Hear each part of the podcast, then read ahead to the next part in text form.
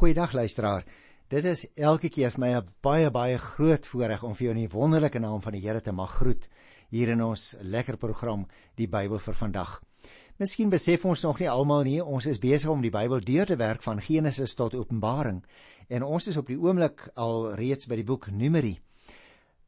Ek dink daar is tog iets wat ons uh miskien ook net uh, mooi moet verduidelik, naamlik dat ons program loop eintlik in 'n sirkel. Jy sien, as jy nou vandag byvoorbeeld vir die eerste keer inskakel en sê, "Jo, nou het ek 'n hele klomp goed gemis." Dan hoef jy nie daaroor bekommerd te wees nie, want so die Here wil, gaan hierdie program so vir 'n paar jaar loop. Ons sal 5 5 en 'n half jaar waarskynlik werk om van Genesis tot by Openbaring te kom, maar daarna gaan die program weer uitgesaai word. Met ander woorde, jy kan op enige stadium by 'n by 'n halte op die bus opklim want die program loop al in die ronde uh so die Here wil vir 'n hele klompie jare vorentoe. So dan uh, baie welkom. Ek wil dadelik begin by Numeri die 15de hoofstuk.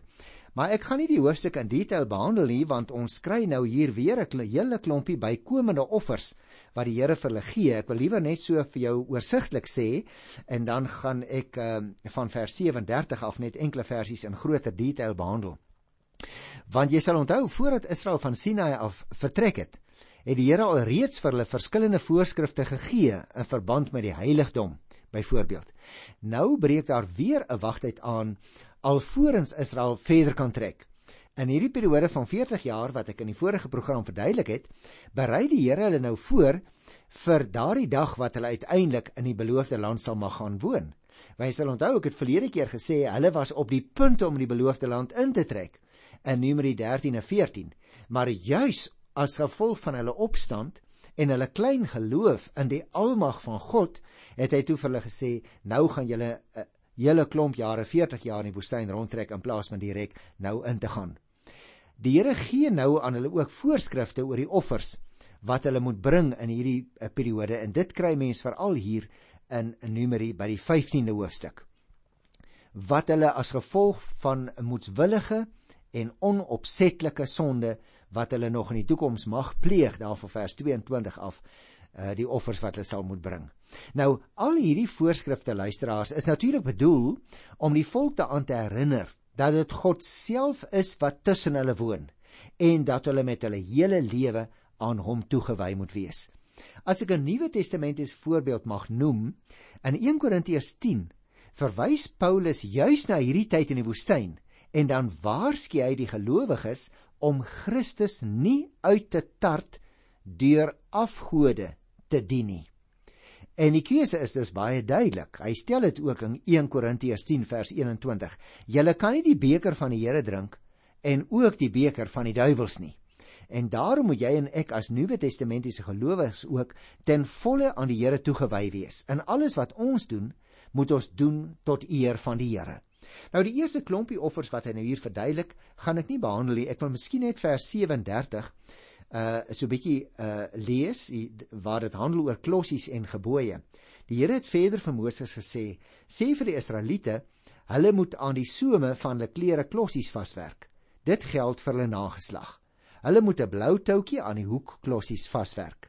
As julle die klossies sien, moet julle dink aan al my gebooie, sodat julle dit onderhou en nie die sondige begeertes van julle hart en oë navolg nie. Wie jy luisteraar dit herinner my tog so aan die sakramente van die doop en die nagmaal nê. Dit is amper amper soos klossies. Elke keer as ons die sakrament sien, elke keer as ons dit gebruik, word ons herinner aan wat God vir ons gedoen het in Christus. En nou baie interessant, hier word nou vir hulle gesê hulle moet klossies uh, aan hulle mantels vasmaak want dit sal hulle herinner aan die gebooie van die Here. En dit is moontlik ook wat met die Here Jesus gebeur het. Daai vrou, onthou jy wat van agter af aan hom gevat het, aan sy aan sy kleed gevat het. Uh sy wou net op 'n baie tasbare manier herinner word aan wat die Here beloof het en wat hy gedoen het. En toe sy aan die Here Jesus se mantel raak, het sy op 'n wonderbaarlike manier genees geraak. En so moet jy en ek ook onthou. Die sakrament kan ons nie red nie. Nog die doop, nog die nagmaal kan ons red. Al word ons 10 keer gedoop. Uh en al gebruik ons elke dag die sakrament van die nagmaal. Dit kan ons nie red nie. Dit is maar klossies as ek die uh, simboliek so mag toepas wat ons herinner aan wat God vir ons gedoen het in Christus op Golgotha.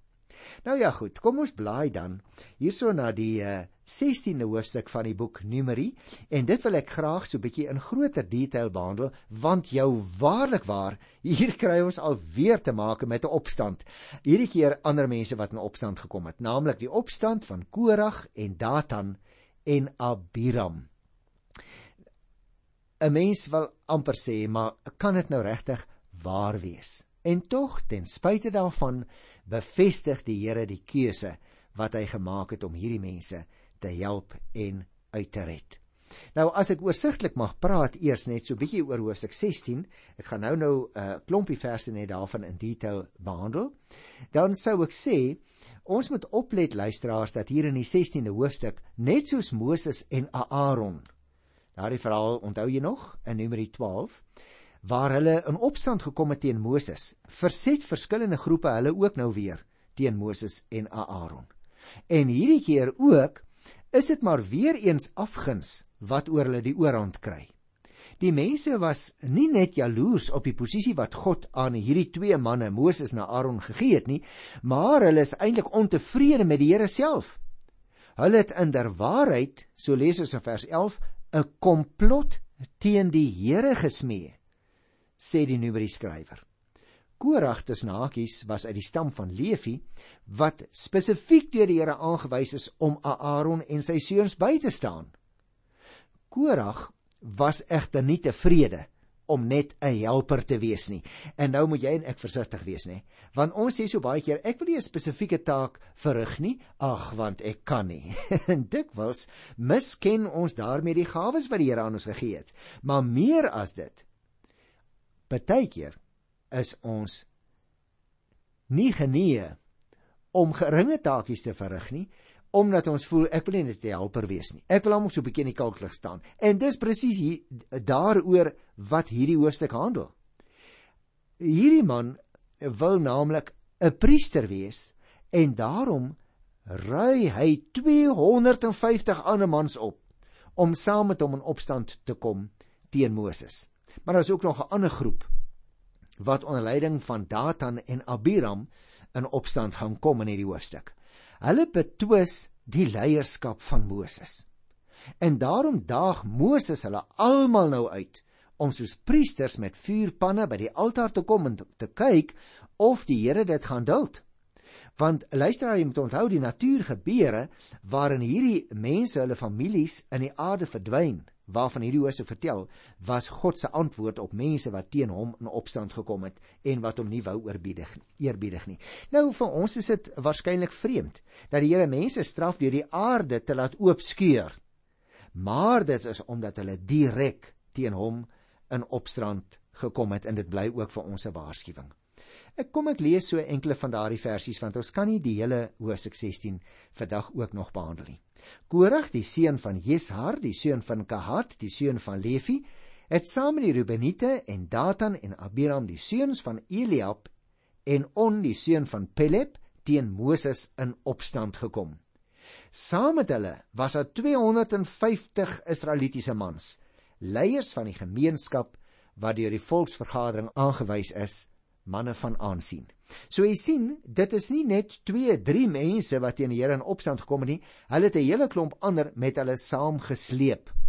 Die derde vers sê, hulle het as 'n groep teen Moses en Aaron saamgekom en vir hulle gesê, dis nou genoeg. Die hele gemeente. Nou jy en ek vergroot ook so maklik, né? Daar is 'n een of twee van wie ons weet wat ongelukkig is oor iets en dan sê ons die hele gemeente, elke lid daarvan is gewyd en die Here is by hulle. Waarom verhef julle julle dan bo die gemeente van die Here? En toe Moses dit hoor, het hy op sy knieë geval en gebid. Ag, hierdie Moses was 'n wonderlike man. Elke keer as hy sien hoe dat die mense sondig en hoe dat hulle oortree teen die Here in opstand gekom het, het hy op sy knieë geval, soms voor die mense, soms voor die Here. En dit kry ons ook hier. Moses wat in vers 4 op sy knieë val duidelik voor die Here wanneer staan en hy het gebid. Luister na vers 5. Daarna het hy vir Korag en sy hele bende. die Bybelskrywer noem hulle jou waarlik waar sommer 'n bende. Nee, want hulle is ouens wat in opstand kom. En nou sê hy vir hulle: "Ehm um, môreoggend sal die Here die persoon aanwys wat aan hom behoort en wat aan hom gewy is en vir wie hy sal toelaat om by die altaar te kom. Die persoon wat hy verkies, sal hy na die altaar toe laat kom. Met ander woorde, die Here sê, luister manne, hier wag 'n bietjie 'n toets. Uh julle moet nou baie baie versigtig doen en dink want môreoggend uh gaan daar iets gebeur. Hier's nou nog vir julle so klein bietjie tyd vir besinning. Kom tot julle sinne, wil hy as dit ware vir hulle sê terwyl julle nog tyd het. Luister na vers 6: Korag, jy en almal by jou moet dit doen. Vat môre vir julle vuurpanne, sit vuur daarin, plaas wierook daarop en bring dit na die altaar toe. Nou ek het nou nou die verhaal so in breë trekke net vir jou verduidelik, maar ek wil ook nog daaraan toevoeg luister dat jy sal onthou toe ons die boek Levitikus behandel het. Het ons baie duidelik gesien, nie enige ou kon offers bring nie. Daar was net spesifieke priesters wat daarvoor afgesonder is. En nou kom hierdie mense in opstand en hulle is afgunstig oor daardie spesifieke taak wat die Here aan spesifieke mense toevertrou het. En nou daag Moses hulle as dit ware uit. Hy sê selfs vir hulle vers 8: Luister Lewiete, is julle nie daarmee tevrede dat God van Israel julle uit die gemeente van God afgesonder het om in die heiligdom diens te doen nie? Nou jy sien, uh luisteraar, dit is nou nie vir ons heeltemal duidelik is uh, Moses hierso so bietjie sinies dat hy nou hierdie ouens sommer ook begin aanspreek as Lewiete of verwys hy spesifiek na die onder hulle wat as leviete aangewys is. Want ons het net nou gesien dat uh, sommige van hulle gekom het uit die stam van Levi en hulle het 'n baie spesifieke taak gehad hoewel nie almal van hulle aangewys is om die offers op die altaar te bring nie. So moet daar moet baie duidelik onderskeid gemaak word met wie 'n mens hier te maak het. Nou dan moet jy nou maar self luisteraar die uh, verhaal gaan lees en wat toe gebeur het. Ek wil die verhaal optel hier by die 27ste vers. Die gemeente het toe van Korag, Datan en Abiram se tente afpad gegee. Datan en Abiram het uitgekom saam met hulle vrouens, hulle kinders en almal onder hulle sorg en voor hulle tente gaan staan. Toe sê Moses: Hieraan sal julle weet dat die Here my gestuur het om al hierdie dinge te doen en dit nie uit myself kom nie. En hier is ons nou by die punt, luisteraars, waar die toets aangelê kan word. Datan en Abiram en hulle gesinne neem steeds 'n tartende houding in teenoor Moses, né? Dis asof hulle nog nie wil glo dat Moses nou uh, alleen deur die Here afgesonder is vir 'n baie spesifieke taak, ook naamlik om die volk uit die uh, uh, dwingelandhy van Egipte land te lei nie. En nou sê hy vir hulle: "Hieraan gaan julle nou weet wat my taak is. Dit gaan duidelik wees dat my leierskap ehm um, deur die Here aan my gegee is.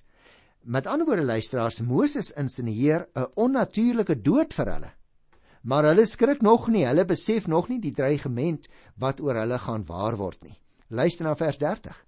Maar as die Here iets nuuts laat gebeur, en luister nou mooi, en die aarde sy mond oopmaak en hulle insluk saam met alles wat aan hulle behoort sodat hulle lewend in die doodryk afgaan dan sal julle weet dat hierdie mense die Here geminag het.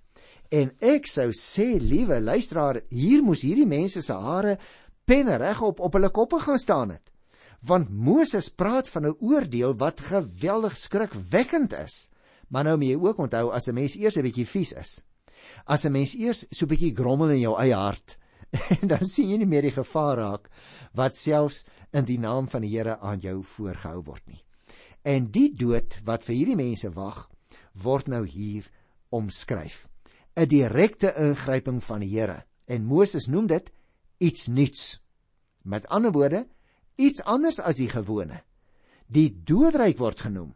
Jy sien, die doodryk word voorgestel as 'n plek waarheen afgegaan word, staan daar Hulle het immers die Here geminag deur teen Moses wat deur die Here aangestel is as 'n leier deur teen hom in opstand te kom. Nou Moses is daarvan en van die wonder wat nou gaan plaasvind baie oortuig. Hy twyfel nie vir 'n oomblik nie. En daarom luisteraar moet jy en ek ook seker wees in ons eie gemoed dat ons nie lynreg optree teen reëlings wat die Here gemaak het soms in ons dwaasheid nie. Nou luister na vers 31. Net toe Moses klaar gepraat het, skeur die grond onder hulle oop. Maak die aarde sy mond oop en sluk vir Datan en Abiram met hulle gesinne in en ook vir Korag en al die manne saam met hom saam ook met hulle besittings. Nou dit is verseker iets nuuts wat hier plaasvind, nie waar nie? En Moses het dit gesê, maar alles gebeur net soos wat hy vir hulle gesê het. Korag en al die manne by hom word ook nou spesifiek genoem, hoewel sy seuns uh nie deur die oordeel getref is nie. Want ons lees in Hosea 26 vers 11 nog ook weer van sy seuns. Wat dus beteken, hulle is nie deur die oordeel getref nie, hulle het nie onder die straf van God gekom nie. Hulle was moontlik nie deel uh van al die dinge wat gesê is teen Moses nie. Maar kom ons lees nou hier by vers 35. Hulle en alles wat aan hulle behoort, het lewend in die doodryk afgegaan. Die aarde het hulle bedek. En so het hulle ook uit die gemeente verdwyn. Wanneer hulle uit die gemeente verdwyn, luisteraars, word Moses se suggestie wat hy gemaak het in vers 15 waar, naamlik dat hy deur die Here aangestel is vir 'n spesifieke taak. Korag se aanhangers sterf egter deur die vuur. Dit wil eens my voorkom, luisteraar, uh, asof 'n dubbele straf Korag en sy aanhangers getref het. Eers 'n vuur en daarna is hulle ook nog boonop deur die aarde ingesluk. En nou word daar hier van vers 36 af teruggekom na hierdie hele saak van die vuurpanne. Nou jy kan dit gaan lees want ons het van tevore dieselfde ehm um, woorde gekry toe dit vroeër in die hoofstuk genoem is en ook in die boek Levitikus waar spesifieke priesters die opdrag gekry het om die vuurpanne te versorg.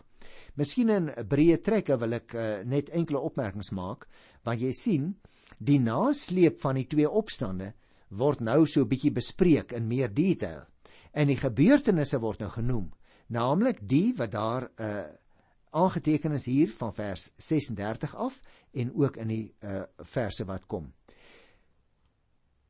dit gaan dus daaroor dat mense in opstand gekom het teen die persoon van Moses. Dit gaan ook daaroor dat hulle wat ons kan noem onheilige vuur gebring het. Met ander woorde, hulle het voorgegee dat die Here ook vir hulle die opdrag gegee het om die vuurpanne te versorg. Met ander woorde, die kole uit te skep, dit op die vuur op die altaar te gooi, terwyl die Here dit nooit gedoen het nie. En daardie oordeel oor hulle het nou waar geword. En daarom wil ek in groter detail kyk na vers 41.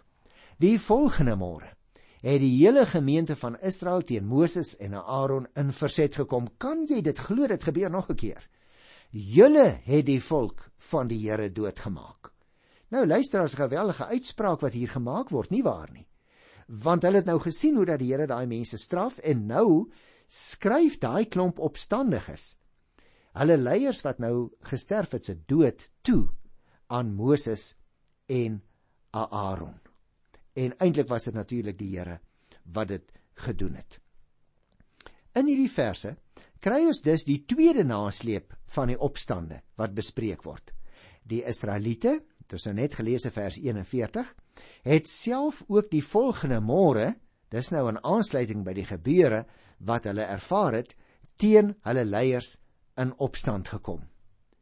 Luister na vers 42. Toe die gemeente teen Moses en Aaron bymekaar kom en na die tent van ontmoeting toe draai, het die wolk die tent bedek en het die magtige teenwoordigheid van die Here sigbaar geword. As rede waarom die oordeel gekom het, het die mense vir Moses beskuldig dat die Here hom nie aangestel het as leier nie. Maar die rea die Here reageer nou dadelik hier van die 42ste vers af. Maar Moses en Aaron tree nog 'n keer tussen beide. Luisteraars, is my geweldig dat hulle ten spyte van hoe dat hulle sien hoe dat hierdie mense weer en weer teen hulle gesag in opstand kom, by die Here vir hulle bly intree. Maar uiteindelik kom daar 'n punt dat dit nie so verder kan gaan nie. En daarom lees ons hier in vers 46. Moses sê toe vir Aaron: "Vat 'n vuurpan, sit vuur van die altaar af daarin en plaas wierook daarop en gaan gou uit aan die gemeente toe en doen vir hulle verzoening. Die toren van die Here het reeds ontvlam en hy het hulle met 'n plaag begin straf. Wonderlik hierdie Moses. Daar word nou vir hierdie mense verzoening bewerk ten spyte van hulle optrede met vuur van die altaar afstaande daar. Dit wil sê nie vreemde vuur wat daai ander ouens gebring het nie, moet daar nou verzoening gedoen word. En juis Aaron moet dit bewerk sodat die plaag wat reeds begin het kan ophou onder die mense. Moses was daarom 'n merkwaardige man luisteraars, nie waar nie? Vers 47 vertel Aaron het toe gedoen soos Moses gesê het. Intussen die gemeente ingehardloop. Die plaag het toe reeds onder die volk begin woed, maar Aaron het die wierook geoffer en vir die volk verzoening gedoen. Hy het gaan staan tussen die wat al dood was en die wat nog geleef het en die plaag het opgehou. Is dit nie wonderlik nie? Jy sien luisteraar, van wie die tydsfaktor kan 'n diereoffer nie nog voorberei word nie, maar slegs 'n reukoffer. En uh, daarom Aaron tree dadelik op. Daarom het ons gelees hy hardloop tussen die mense in met 'n positiewe gevolg vir hulle, maar nie voordat duisende omgekom het nie. Kyk by vers 49. Daar het 14700 deur die plaag omgekom afgesien van die wat deur Korag se toedoen gesterf het. Aaron is toe terug na Moses toe by die ingang van die tent van ontmoeting. Die plaag was verby. En dis 'n interessante opmerking wat gemaak word. Die plaag was verby. daarmee wat die Bybelskrywer vir ons sê, die Here het nou vir hulle gestraf. Daar's 'n hele klomp mense, derduisende dood as gevolg van hulle opstand teen die Here maar uiteindelik kan die lyn getrek word en gesê word die plaag was verby. Ten slotte net enkele opmerkings luisteraars en ek het net nou ook daarna verwys. Die vraag kom by my op: Is jy en ek ook bereid om so te bid vir mense wat in hulle ontevredenheid vir ons seer gemaak het? Mense wat selfs teen ons dinge gesê het wat ons karakter soveel skade aangedoen het dat dit ons jare gaan neem om daarvan te herstel. Onthou jy? Die Here Jesus het die gelykenis vertel van die man wie se skuld afgeskryf is, maar wat self nie bereid was om iemand wat vir hom geld geskuld het, uh om daardie skuld vir daardie ou vry te stel nie. Gaan lees dit gou rus maar daar in Matteus 18 vers 21 tot 35. En nou moet jy en ek onthou, al ons skuld is in Jesus Christus vergewe. Ons kan ons kan sê anders nie luisteraars. Ons kan sê anders as om self ook ander mense wat verkeerd teenoor ons optree te vergewe nie. Nie waar nie? Meer nog, ons moet selfs vir hulle voorbeding doen by God dat die straf van mense wat in opstand bly kom teen God nie uiteindelik vir hulle gaan tref nie. Want die Here straf voortdurende opstand teen hom. En iemand wat nie werklik in oorgawe voor die Here gekniel het, aan die voete van die Here Jesus die groot sak met sy sonde in skuldbelydenis neergelê het nie, daardie persoon gaan nie vergewe word nie. Maar op grond van die woord van die Here en in die lig van die Nuwe Testament wil ek nou na aanleiding van Numeri 15 en 16 wat ons vandag behandel het, oproep en uitnooi. Hoe groot jou sondeskuld teen die Here ook al is. Hoe dikwels jy ook al teen hom in opstand gekom het. Hoe dikwels jy gedink het jy kan sommer self verzoening doen vir jou sondes. Wil ek jou oproep luisteraar, jy kan nie. Kom buig aan die voete van Jesus Christus die Here. Dis alleen op grond van sy offer wat jy en ek gered kan word. Kom na hom toe en word 'n kind van God. En op hierdie wonderlike genadige noot in die Here se woord groet ek jou in sy sy wonderlike naam tot volgende keer. Tot dan. Totsiens.